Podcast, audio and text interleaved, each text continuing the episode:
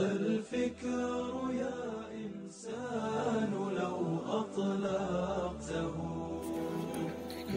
Assalamualaikum warahmatullahi wabarakatuh Halo Sobat Cuan, jumpa lagi dengan saya Yusran Ahmadi Mas Podcast teman investasimu persembahan dari Kuantum Sinergi Umat GSU.co.id Perlu teman-teman ketahui bahwa GSU merupakan lembaga keuangan yang bergerak dalam bidang tabungan dan investasi kalau teman-teman pengen tahu lebih banyak tentang kami, pengen belajar menabung, belajar investasi, kalian bisa cari tahu kami di website gsu.co.id atau juga bisa mengunjungi Instagram dan juga YouTube-nya GSU.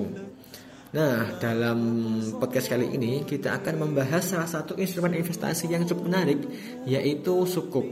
Kalau teman-teman mungkin kenal dengan obligasi, sukuk ini adalah obligasi syariah. Jadi kita perlu tahu dulu ya apa itu sukuk. Menurut fatwa DSN MUI nomor 32 tahun 2002, sukuk merupakan surat berharga jangka panjang yang dilaksanakan berdasarkan prinsip syariah dan dikeluarkan oleh penerbit surat kepada pemegang obligasi syariah dan mewajibkan penerbit surat membayarkan bagi hasil atau margin dan membayarkan kembali dana obligasi setelah jatuh tempo. Panjang ya. Ya tapi itulah pengertian yang benar menurut fatwa di ASN MUI nomor 32 tadi. Nah, dengan melihat pengertian tersebut, pada dasarnya sukuk itu dengan obligasi konvensional sama saja. Yang membedakan adalah mekanismenya yang diterapkan berdasarkan prinsip-prinsip Islam.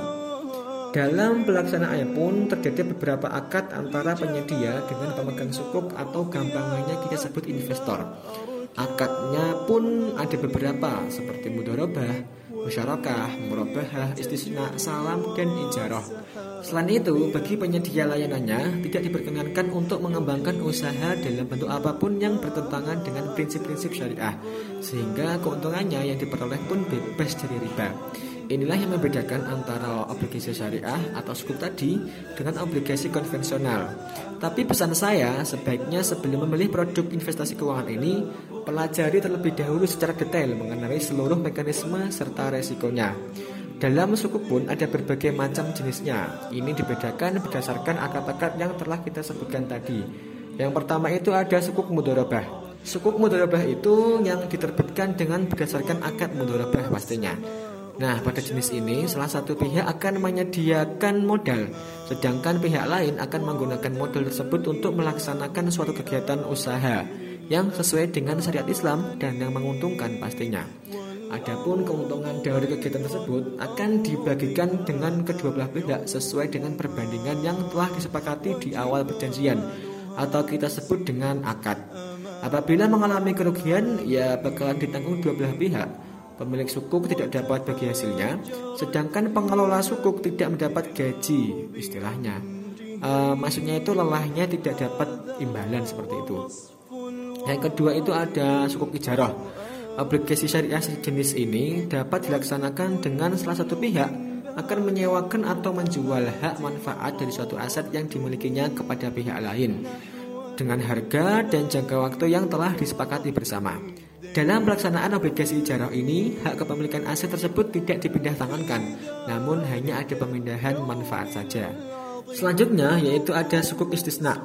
Sukuk istisna ini diterbitkan berdasarkan pada perjanjian atau akad, di mana terdapat sejumlah pihak yang menyepakati jual beli untuk membiayai suatu kegiatan atau barang tertentu.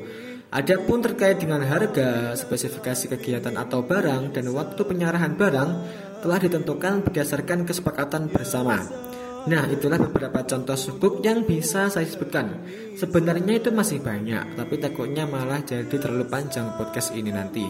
Kemudian karakteristik sukuk yang perlu kita ketahui mulai dari keuntungan yang didapatkan oleh investor atau penanam modal bukanlah dari bunga, melainkan dari bagi hasil atau nisbah yang besarnya telah disepakati oleh penanam modal dan pelaku kegiatan pada saat akad. Terus prinsip-prinsip syariah dalam pelaksanaannya selalu diawasi oleh pihak wali amanat beserta Dewan Pengawas Syariah dari awal penerbitan sampai dengan berakhirnya obligasi syariah atau sukuk ini tadi.